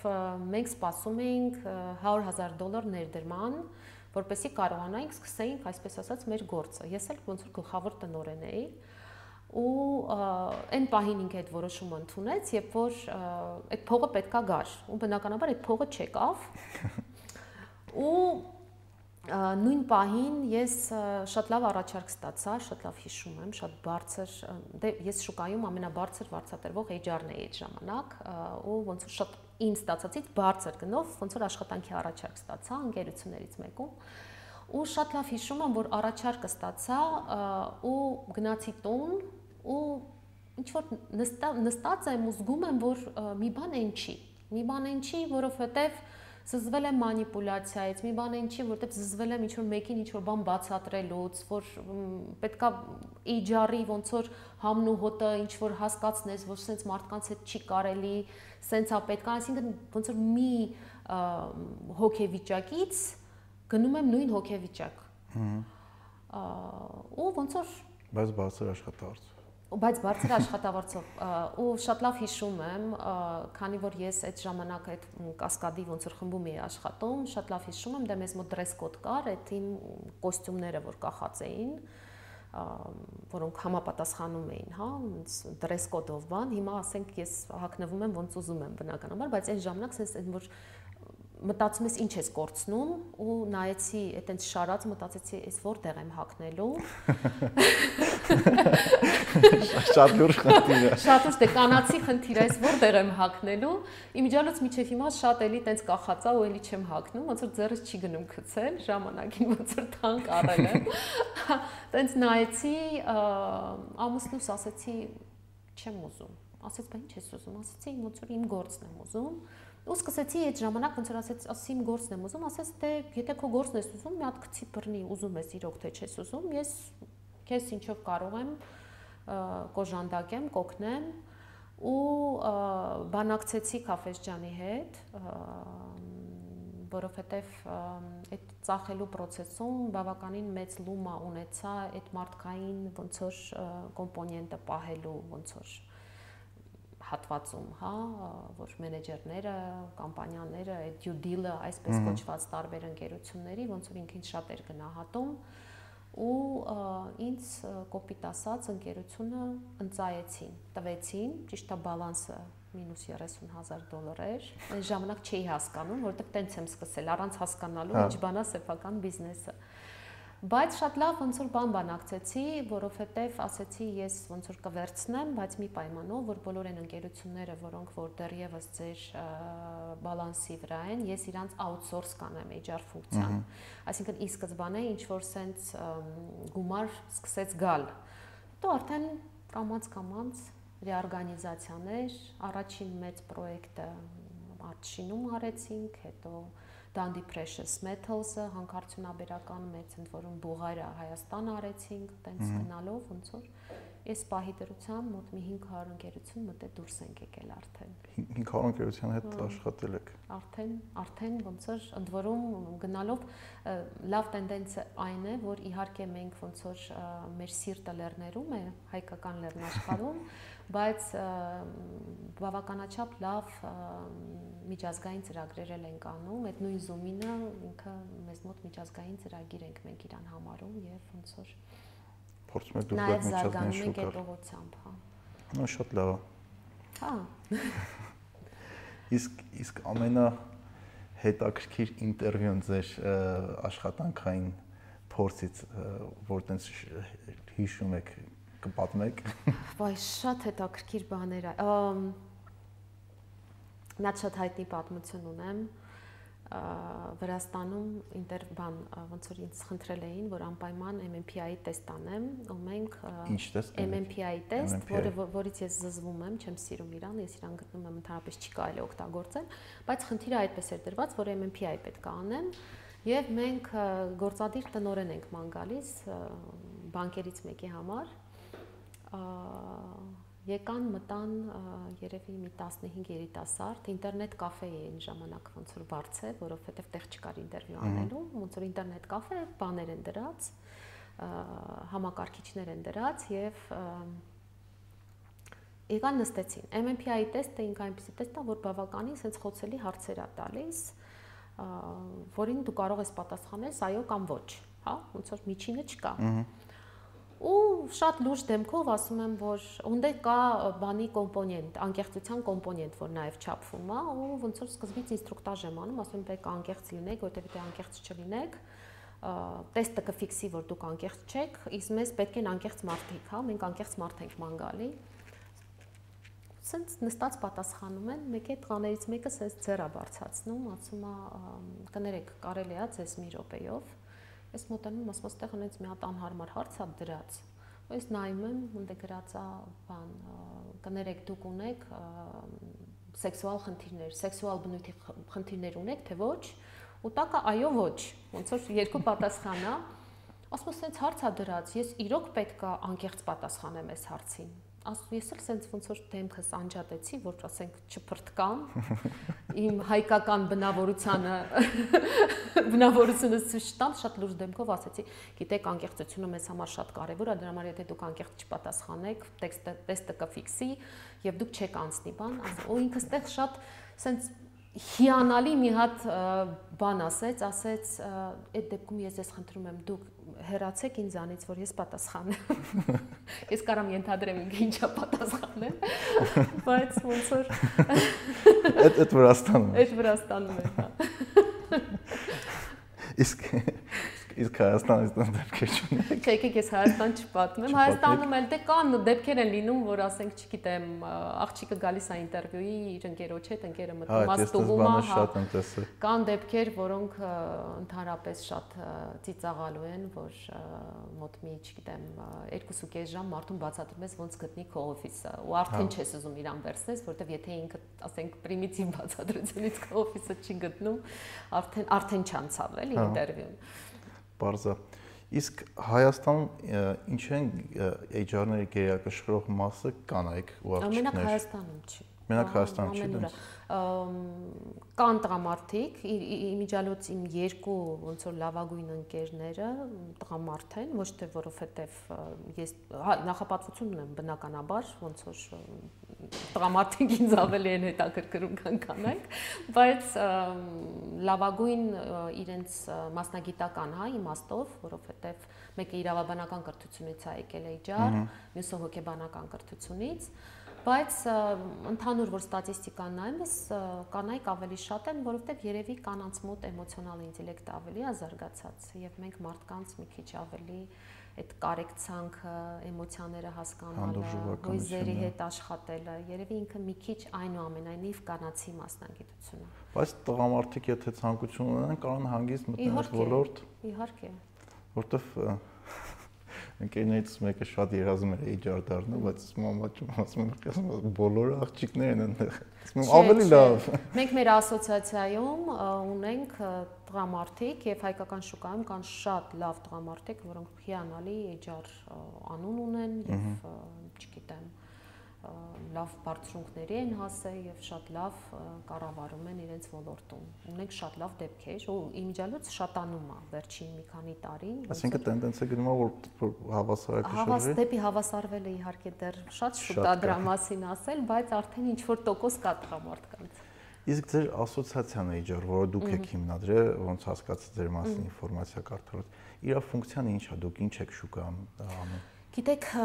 երբ որ նոր էինք սկսում, ֆունկցիան այն էր, որ հանրայնացնենք ընդհանրապես մարդկային ռեսուրսները ինչ բան է։ Դե ես դες դա պատմում եմ 2008 թվական, հա, երբ որ բացատրում էր PR-ը իջարից ինչով է տարբերվում, իջարը կադրավիկությունից ինչով է տարբերվում, եւ ինչ բան է ընդհանրապես մարդու հետ աշխատելը, հա, ոնց որ սկսվեց նրանից, որ շատ քիչ քանակի էջարներ կային շուկայում եւ ծնվեց գաղափար բոլորին միավորել ու քանի որ չկար համապատասխան կրթություն, որ եկեք ստեղծենք հարթակ, իրար սովորացնենք, միասին աճենք։ Ժամանակի ընթացքում իհարկե շատ դժվար պահեր ենք ունեցել, որտեղ կոնֆիդենցիալության հարց կա, այն ինչ որ իմ ընկերությունում ա կատարվում, չեմ պատմի, տենց ինչ որ տարբեր հարցեր, հարցադրումներ, այսինքն օրինակ ծառայելով, ինչ որ բաներ պատմելով, ինչ որ տրեյնինգներ անելով, ընդհանուր ինչ որ ժողովներ անելով, իրար պատմելով եւ այլն, ոնց որ կամած կամած աճեցինք։ Սկսեցինք 5 հոգուց, հիմա արդեն այս վերջին մեր HR community-ում 230 հոգի ոնց որ գրանցված արդեն անդամ կա, այնտեղ մենք անդամակցության տարբեր ոնց որ մակարդակներ ունենք։ Բայց հիմա իհարկե եթե նայենք ուղությունները, ուղություններից մեկը դա օրենսդրական դաշտն է, աշխատող գործատու աշխատող հարաբերությունների կարգավորումն է։ Երկրորդը միջազգային ստանդարտներին համապատասխանելը, դրա համար ենք մենք շրմ բերել եւ անում ենք այդ հավաստագրումը, որովհետև եթե ինքը 120-ից ավել երկրում որպես բարձրագույն ստանդարտ է ընդունված մարդկային ռեսուրսների կառավարման ոլորտում, ապա Հայաստանում էլ պետք է լինի, հա։ Երրորդը դա իհարկե իրար օգնելն է եւ այսպես ասած լավագույն փորձի եւ գործիքների փոխանակումը եւ անենք այնպես, որ միասին լինենք, հա, եւ միասին զարգանանք, որովհետեւ տարբեր ուղություններով ենք արդեն զարգանում ինչպես դուք ասացիք, ոնց որ IT ոլորտը մի ուղղությունն է, արտադրության HR-ը, որը ես արտադրության HR եմ, ես արտադրությունից եմ հա սկսել, արտադրության HR-ը պակաս հետաքրքիր չի, բայց այնտեղ լրիվ ուրիշ акցենտներ են եւ ուրիշ գործիքներ են պետք, հա, այսինքն ըստ սեկտորների արդեն փորձում ենք հասկանալ ինչ է պետք զարգացնել։ Եվ իհարկե մեր կոնֆերանսները, որոնք որ որոնք որ օգնում են միջազգային փորձը բերել եւ հնարավորինս չափ Հայաստանը որպես առանձին կառույց եւ մեծ օրգանիզմ ցույց տալ որ դրսում հասկանան որ մենք պակաս բաներ չենք անում, իսկ մենք պակաս բաներ չենք անում եւ միաժամանակ տեսնել դուրսը ինչ են անում։ Հա, հասկանալի է։ Իսկ նշեցիք օրենսդրական կտորը ինչ կարևոր է HR-ների համար։ Շատ մարդկանց հետ բիզնես ոլորտից որ շփվում եմ, մեծ ամասնությունը ասում է մեր օրենսդրությունը գործատուին ընդհանրապես չի պաշտպանում։ Իհարկե, ստեղ կոնցեպտի հարց է, հա, մենք հիմա քանի որ այդ օրենսդրական դաշտի փոփոխությունների մեջ բավականին ակտիվ գործնեություն ունենք ու մտածենք հանձնաժողովի մեջ, որ աշխատում է օրենսդրական դաշտի ուղությամբ իսկ ես կարամ համեմատեմ սովետական օրենսգրքի հետ, որը որ նույնպես ոնց որ ուներ իր իր թերությունները, սակայն ուրիշ թերություններ էր, հա Կարելի է ասել, որ մենք պետք է հասկանանք, մենք տալիս ենք բիզնեսին ազատություն, թե մենք կենտրոնացնում ենք դա պետական մակարդակով որովհետև մրցակցային առավելությունը, եթե դու հանգա պատկերացրեք բաց ենք թողնում ու գործատուին ասում ենք դու որոշի ինչ խաղի կանոններով ես աշխատում, համաձայնեցրու քո աշխատողի հետ,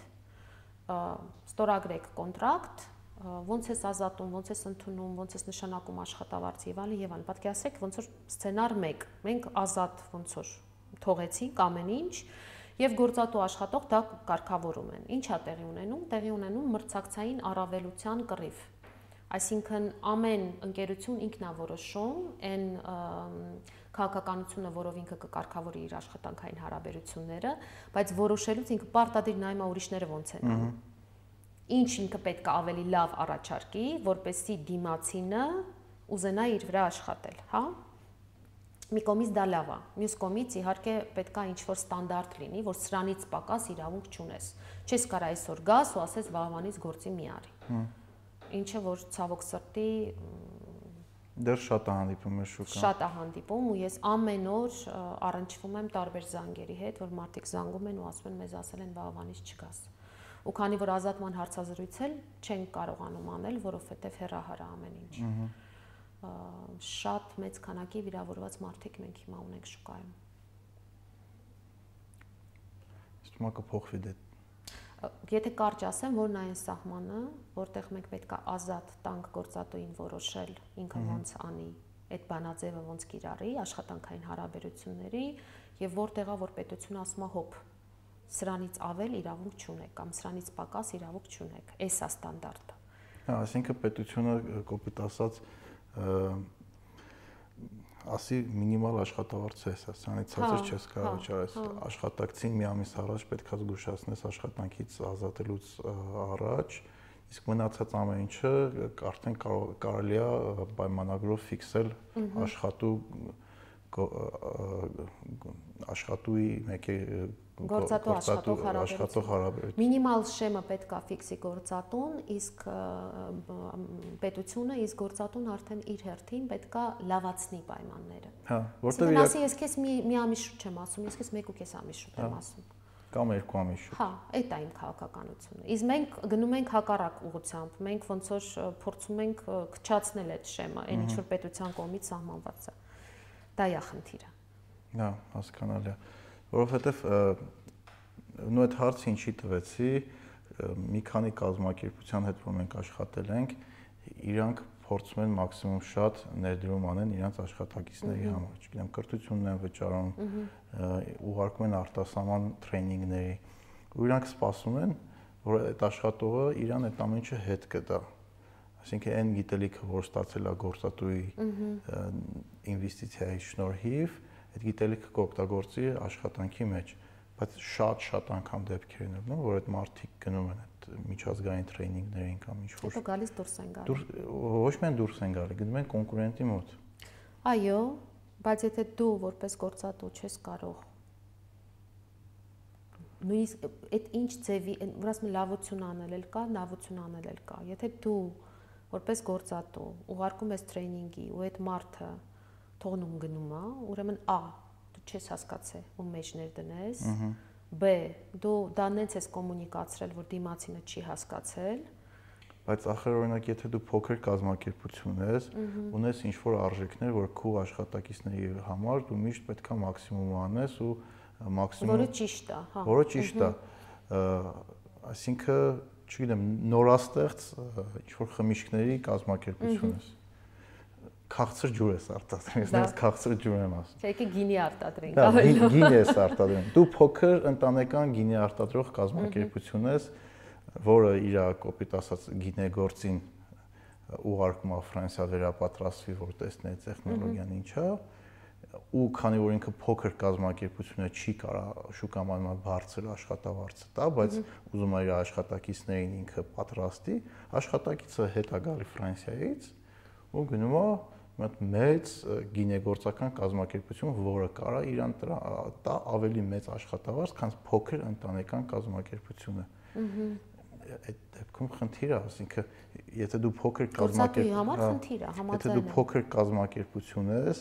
բայց դու ունես ամբիցիաներ, դու գնահատում ես քո աշխատակիցներին ու քո եղած հնարավորությունների սահմանում դու մաքսիմումն ես վճարում, որը շուկայում կարող է կոնկուրենտնասպասոբնի աշխատավարձա, բայց միանշանակ ավելի բարձր չի։ Բայց դուք վերապատրաստվելով քո աշխատողներին այդքան ինվեստիցիա իրենց մեջ անելով, մեծ կազմակերպությունները, որոնք կարան ավելի շատ աշխատավարձ տան, այդ աշխատակիցներից գողանում են։ Լավ, եկեք նախ ասեմ, որ օրես դրորեն դա ինչ որ ձևի կարգավորվում է, որտեվ կան այսպես կոչված տրեյնինգ պայմանագրեր, երբ որ մարդուն Կան արդեն։ Այո, երբ որ մարդուն ուղարկում ես սովորելու, իր հետ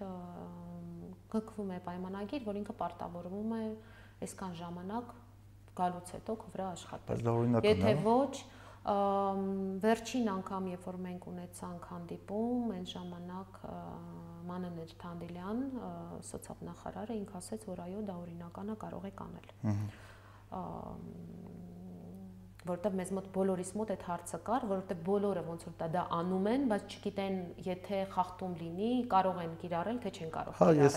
ինձ ծանոթ իրավաբաններից մեկի հետ խոսում էի, ինքը ասաց կարաս պայմանագիր կնքես, բայց եթե գնացիր դատարան, հա։ դու այդ պայմանագրով չես կարողանալու դատիկրել։ Իրականում մենք էլ էինք այդպես կարծում, բայց ոնց որ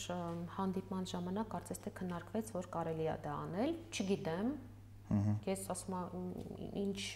ես ինքս չեմ կիրառում, որովհետև սխալ եմ համարում Եթե մարդուն դու ստիպողաբար պահելու ես, չգիտեմ, մի տարի ու ինքը գիտի, որ եթե մի տարի աշխատի, ինքը հետո կարա հանգիստ դուրս գա, ինքը այդ մի տարվա ընթացքում քեզ հաստատ արդյունք չի տա, որովհետև ինքը նստած սպասում է երբ է իր մի տարի լրանալու։ Բայց եթե մենք խոսենք օրինակ տվյալ ասենք ձեր օրինակը, ինքը ոնց որ տաղանդի մասին է։ Մարդուն բերել ես, աճացրել ես ու դու իրանից ինչ որ արդյունք ես ուզում ստանաս ավելի արագ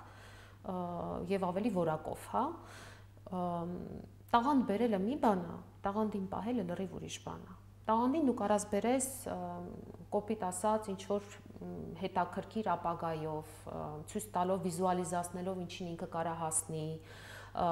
ինքնաակտուալիզացման ինչ որ խոստումներով, որ ես կսովորես, այն կսովորես, այն կսովորես, ընդհանուր ոնց որ այդ հեքիաթին հավատալով, որ ինքը մասա կազմում մի հատ մեծ գործի, որը պուճուշ, ասենք, փոքր կազմով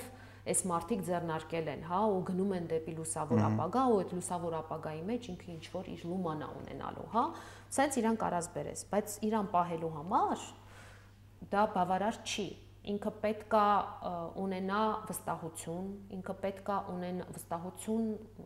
բոլորի մասներով։ Պատմած ապագան իրականություն կդառնա։ Այո, որովհետև այդ որ ասում են туриզմն ու միգրացիան տարբեր բաներ, հա, Հիմա ինքը արդեն միգրացիա է։ Միգրացիայի մեջ ինքը ստրեսեր է ապրում։ Այդ ստրեսերի հետ աշխատելը շատ կարևոր է, որ ես սենց էի պատկերացնում, բայց ուրիշ ձևի է։ Ես սենց էի, ինձ սենց էին ասել, բայց ես չհասկացա, այս գաղափարն է, թե ուրիշ գաղափարն է, որովհետև բիզնեսն էլ անդադ փոփոխվում է, ու այդ գաղափարախոսության, գաղափարախոսության ոնց որ փոփոխման մեջ էլ մարդ կարա կորցնի ծայրերը ու չհասկանա հանուն ինչի էր ինքը եկել, հա։ Դրա համար ֆոկուսի մեջ պահելը դեպի ուր ենք մենք գնում շատ կարևոր է, որովհետև հանուն նպատակի են մարդիկ ինչ որ բաներ անում, ու երբ որ այդ նպատակի մեջ իրանց լուման են տեսնում, հա, ոնց որ իդեան ամենակարևորն է։ Բ ինքնաակտուալիզացումը, որ ինքը զգա, որ ինքը հա եկել է, աճել է ու իր աճելու շնորհիվ ընկերությունն էլ է աճում։ Ոչ միայն ինքն է աճում, այլ նաև ինքը ինքը իր աշխատանքի արդյունքը տեսնի։ Իհարկե, անպայման։ Հետադարձ կապն է շատ կարևոր։ Հետադարձ կապի աշխատանքը իհարկե շատ մեծ մասակազմում, որ ասենք փոքր բիզնեսները պետքա ուղակի իմանան, որ մարդու հետ պետքա ճիշտ հետադարձ կապի մեխանիզմներով աշխատել։ Այդ խնդիրը շատ բիզնեսների հետ, որ մենք աշխատել ենք, հետադարձ կապը հիմնականում չի պահվում որովհետև մարդիկ վախում են, եթե ինքը բացասական հետադարձ կապ տա, իրան չեն սիրելու։ Այդ այդ վախը շատ մարդկանց մոտ կա։ Իրանք ուզում են ոչ թե լավ էֆեկտիվ մենեջեր եղնեն, այլ ունեն մենեջեր, ղեկավար, ում սիրում են սենց մի բան կա, հա, մարդ որ գալիս է, ինքը արդեն ինչ-որ մոտիվացիոն բազայով է գալի։ Այն որ ասում են առաջին ոնց որ իր այդ դրթիչ ուժով, հա, ինքը գալի եկել է արդեն ինչ-որ էներգիայով, մոտիվացիոն էներգիա, որը ինչ որ ժամանակ կձգի։ Բայց որպեսի դու այդ մոտիվացիոն էներգիան պահես, որ ինքը չսպառվի ինչ որ կետից սկսած, Դու իրան պետքա ընթացքում ներգրավես։ Իսկ ներգրավելը ինչ է։ Ուղեղ, սիրտ։ Հա, այսինքն դու հոգով պիտի իրան կապես ու նաև մտքով պետքա կապես այլապես ինքը իրոք կգնա։ Հիմա բնականաբար ես չեմ խոսում էթիկայի մասին, բնականաբար ես չեմ խոսում, որ մարդիկ տարբեր են, կան մարդիկ, որի սկզբանե գալիս են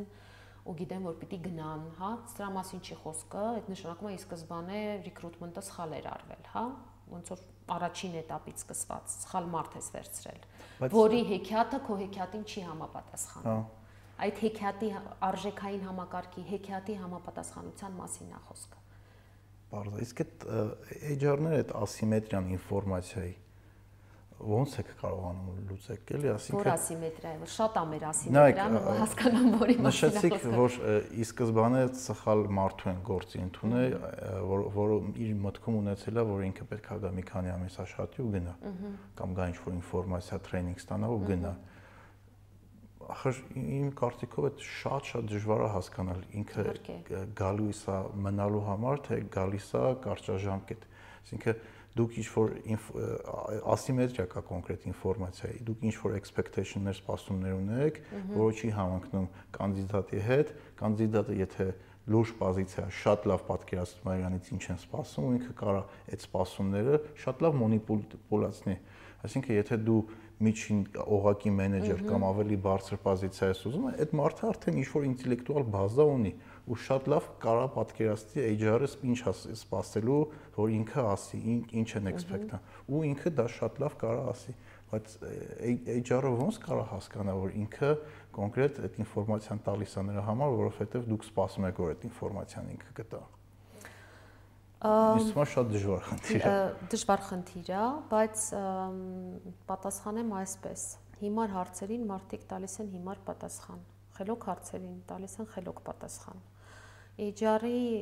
հենց հմտությունը նրանումն է, որ ինքը տա խելոք հարցեր։ հա։ Այսինքն ոչ թե սոցիալապես ցանկալի հարցեր։ Ինչ ոնց եք դες տեսնում 5 տարի հետո։ 5 տարի հետո կամ ո՞րն են կարևորագույն արժեքները ձեր կյանքում, հա։ Ասենք եթե տալիս ես ուղիղ հարց այո ոչ պատասխանով կամ սոցիալապես ցանկալի պատասխանի ակնկալիքով դու ստանում ես սոցիալապես ցանկալի պատասխան դրա համար գոյություն ունեն պրոյեկտիվ հարցեր, որ կարելի է տալ։ Դրա համար գոյություն ունեն մետապրոգրաման մետապրոգրամաների ստուգման հարցեր, հա, ասենք մարդու մոտ ձգտման մետապրոգրամա է, թե խուսափման մետապրոգրամա է, եթե դու ասենք ստեղծագործ մտքի թռիչքով մարդ ես ման գալի, ինքը պետքա ձգտման մետապրոգրամա ունենա որը որ կարելի է ստուգել։ Չնայած ամեն ինչ վկայում այն բանի մասին, որ այնուամենայնիվ ամենա ոչ վալիդ գործիքը դա ինտերվյու անելն է, իհարկե դրա համար միշտ ասում են ուրիշ ձևի էլ ստուգեք, հա, կողքից չգիտեմ, ծերագիր նայեք, չգիտեմ, տեստ արեք, հազարը մի բան արեք ձեր վարկածը ստուգեք ինչ որ մեկ ուրիշ գործիքով էլ, հա բայց իրականում ես դա միշտ ինձ հիշեցնում է test drive-ը, հա, ասենք մեքենան կանգնած վիճակում եւ մեքենան քշելուց, երբ որ դու առնում ես, դու test drive ես, չէ՞ անում, որ նայես քոնն է, քոնը չի, լավն է, այս ճանապարհով կարած կարացավ գնալ, չկարացավ, մոտորը հզոր հզոր չի, հա, այս ամեն ինչը ստուգվում է, երբ որ դու քշում ես իրոք։ Լավ ես քեզ մեջ զգում, թե չէ։ Նույն բանը մարդն է, ինքը պիտի ինչ-որ test drive անցնի։ Դրա համար գույություն ունի փորձաշրջան հասկացողություն, որի ժամանակ դու պետքա ոչ թե ֆիկտիվ մոտենաս ու ասես լավ անցավ փորձաշրջանը, այլ լավ այդ մարդուն նայես, իրան կոմֆորտնի է, կոմֆորտնի չի, իրոք իրա ասածը համապատասխանում է իր արածին։ Իրոք ինքը երջանիկ է, պրոյեկտ էս ապագա հասկանաս հիմա երրորդ ամսվա այս ավարտին ինքը սենց հոգեվիճակի մեջ է մի տարի հետո ո՞նց կլինի այդ հոգեվիճակը կարողանաս այդ ոնց որ ֆորքաստը անես էլի դրա համար ես սիրում եմ երբ որ հոգեբաններ են զբաղվում մարդկային ռեսուրսների կառավարմամբ հա համաձայն եմ որովհետև մենք շատ սուբյեկտիվ կարանք վերաբերել ենք ինտերվյուին իրական որ այդ ասեցիք մի հատ տեստ հիշեցի որ օրկեստրայի մեջ պետքա նոր ջութակահար վերցնեն եթե չեմ հիշում գործիք այդքան կարևոր չի երբ որ իրանք արեցին բաց ինտերվյուներ, որ մարդիկ նստած նվագել են ու մասնագետները լսել են, ու երբ որ արել են փակ ինտերվյու, որտեղ մենակ լսել են ու չեն տեսել ով է նվագում, փակ ինտերվյուի ժամանակ ավելի լավ մասնագետ էին կարող ցենտրեն, քան բացին, որտեղ բացի ժամանակ հա։ հա, Շատ հայտնի кейս, ահա, շատ ու շատ լավ օրինակ է, որովհետև նայեք ինտերվյուի ժամանակ մենք հարցեր ենք տալիս, կարաս անես, են կարաս անես, չէ՞։ Շատերը ոնց որ այդ ճանապարհով են գնում բայց եթե դու երաժիշտ ես վերցնում գործի, դու ասում ես մի հատ նվագի հա։ լսեմ, չէ՞։ Ասում ես նվագի լսեմ, ասենք նույն ձևի մենք կարող ենք վերաբերվել ցանկացած մասնագիտությանը։ Մի հատ արա տեսնեմ, Հա բայց մեկը անձնական սիմպաթիաները էֆեկտ ունեն, որովհետև իրանք ընտրել էին այն մուզիկանտին բացի հա։ ժամանակ, որը լավագույնն է եղել, որովհետև տեխնիկապես հնարավոր է չափել դու լավագույնն ես, քու ջութակ լավագույն ջութակարն ես, թե չէ։ Իրանք ընտրել էին ոչ թե լավագույնին, այլ ով բեմի վրա ամենալավն է նայվե։ Դրա համար էներգետիկան կարևոր Հա, էլի, որովհետև ես էներգետիկան պետքա բռնի։ Ղեկավարը պետքա ոնց որ իսկապես ուզենա մարդու հետ աշխատել։ Դու կարող ամենալավ կադրը լինես, բայց չկարողանան իր հետ աշխատել։ Բայց չկարողանան իր հետ աշխատել։ Շատ կարևոր ֆակտոր է։ Շատ կարևոր է։ Հա, միանշանակ։ Ես օրինակ ինչ որ պայից սկսած հասկացա, որ ես իմ նման մարդկանց եմ ընտրում, որը որ մի կողմից բայց այդ խնդիրը չի կարա մի կողմից էլ վատ է, որովհետև իրար նման մարդիկ մտածում են նմանատիպ եւ այդ շրջանակներից դուրս չեն Հա, մտածում։ թիմ թիմ թիմ բայես կարա լինի, էլի։ Այո։ Ու ես ոնց որ դրա դեմ պայքարեցի, փորձում եմ պայքարել։ Հա։ Ինձ թվում է իրական այդ diversity, որ ասում են, ոչ թե այնա, որ տարբեր սերերեղն են, տարբեր գույնի աշխատ, տարբեր մաշկի գույնի աշխատակիցներն են, այլ կարող է իրական diversity-ն այնա, երբ որ մի թիմի մեջ հավաքված են մարդիկ, որ ունեն տարբեր մտածելակերպներ։ Տարբեր հարցերին կարողանում են նայեն տարբեր անկյուններից։ Համաձայն եմ, բայց մյուս կողմից էլ օրինակ ինձ համար, ասենք ինչ որ կարևոր բաներ կան, հա, իմ մասին։ Օրինակ ես արագ եմ։ Հա։ Ես շատ արագ եմ։ Այն մարդը, որ արագ չի, դմբոչի, բայց արագ չի։ Իմ նման արագ չի, ինքը ուղղակի իմ հետևից չի կարող հասնել ու ինչ որ պահից սկսած դա վերում է ոնց որ փոխհասկացման անդունդի։ Հա, բայց որոշ հարցերում իր դանդաղությունը կարող է էֆեկտիվ Հա, լինի։ որովհետև ինքը ռացիոնալ է, որովհետև ինքը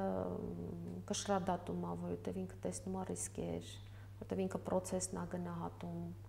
Չնայած ես ստրեսային իրավիճակում ավելի process եմ դառնում։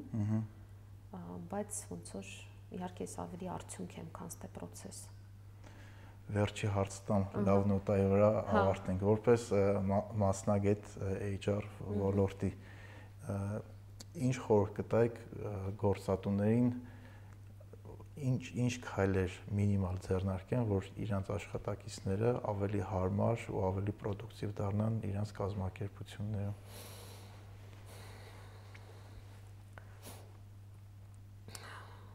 ներգրավել աշխատողներին ինչքան հնարավոր է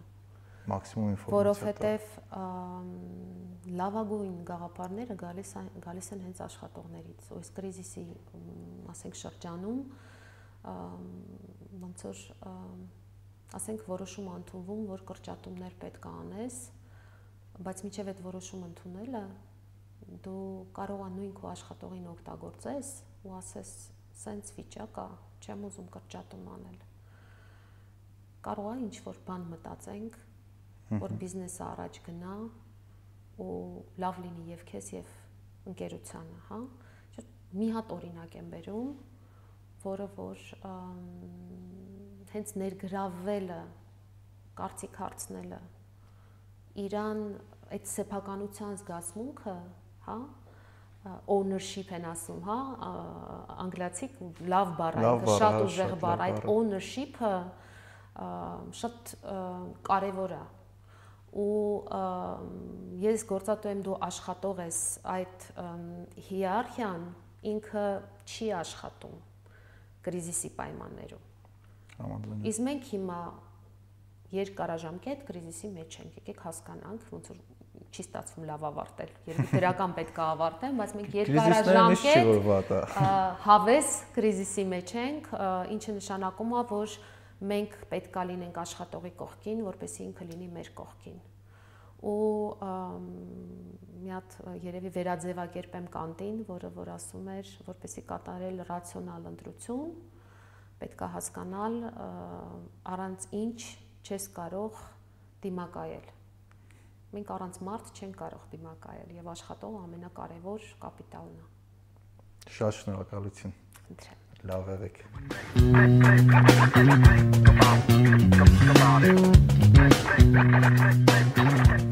Just think about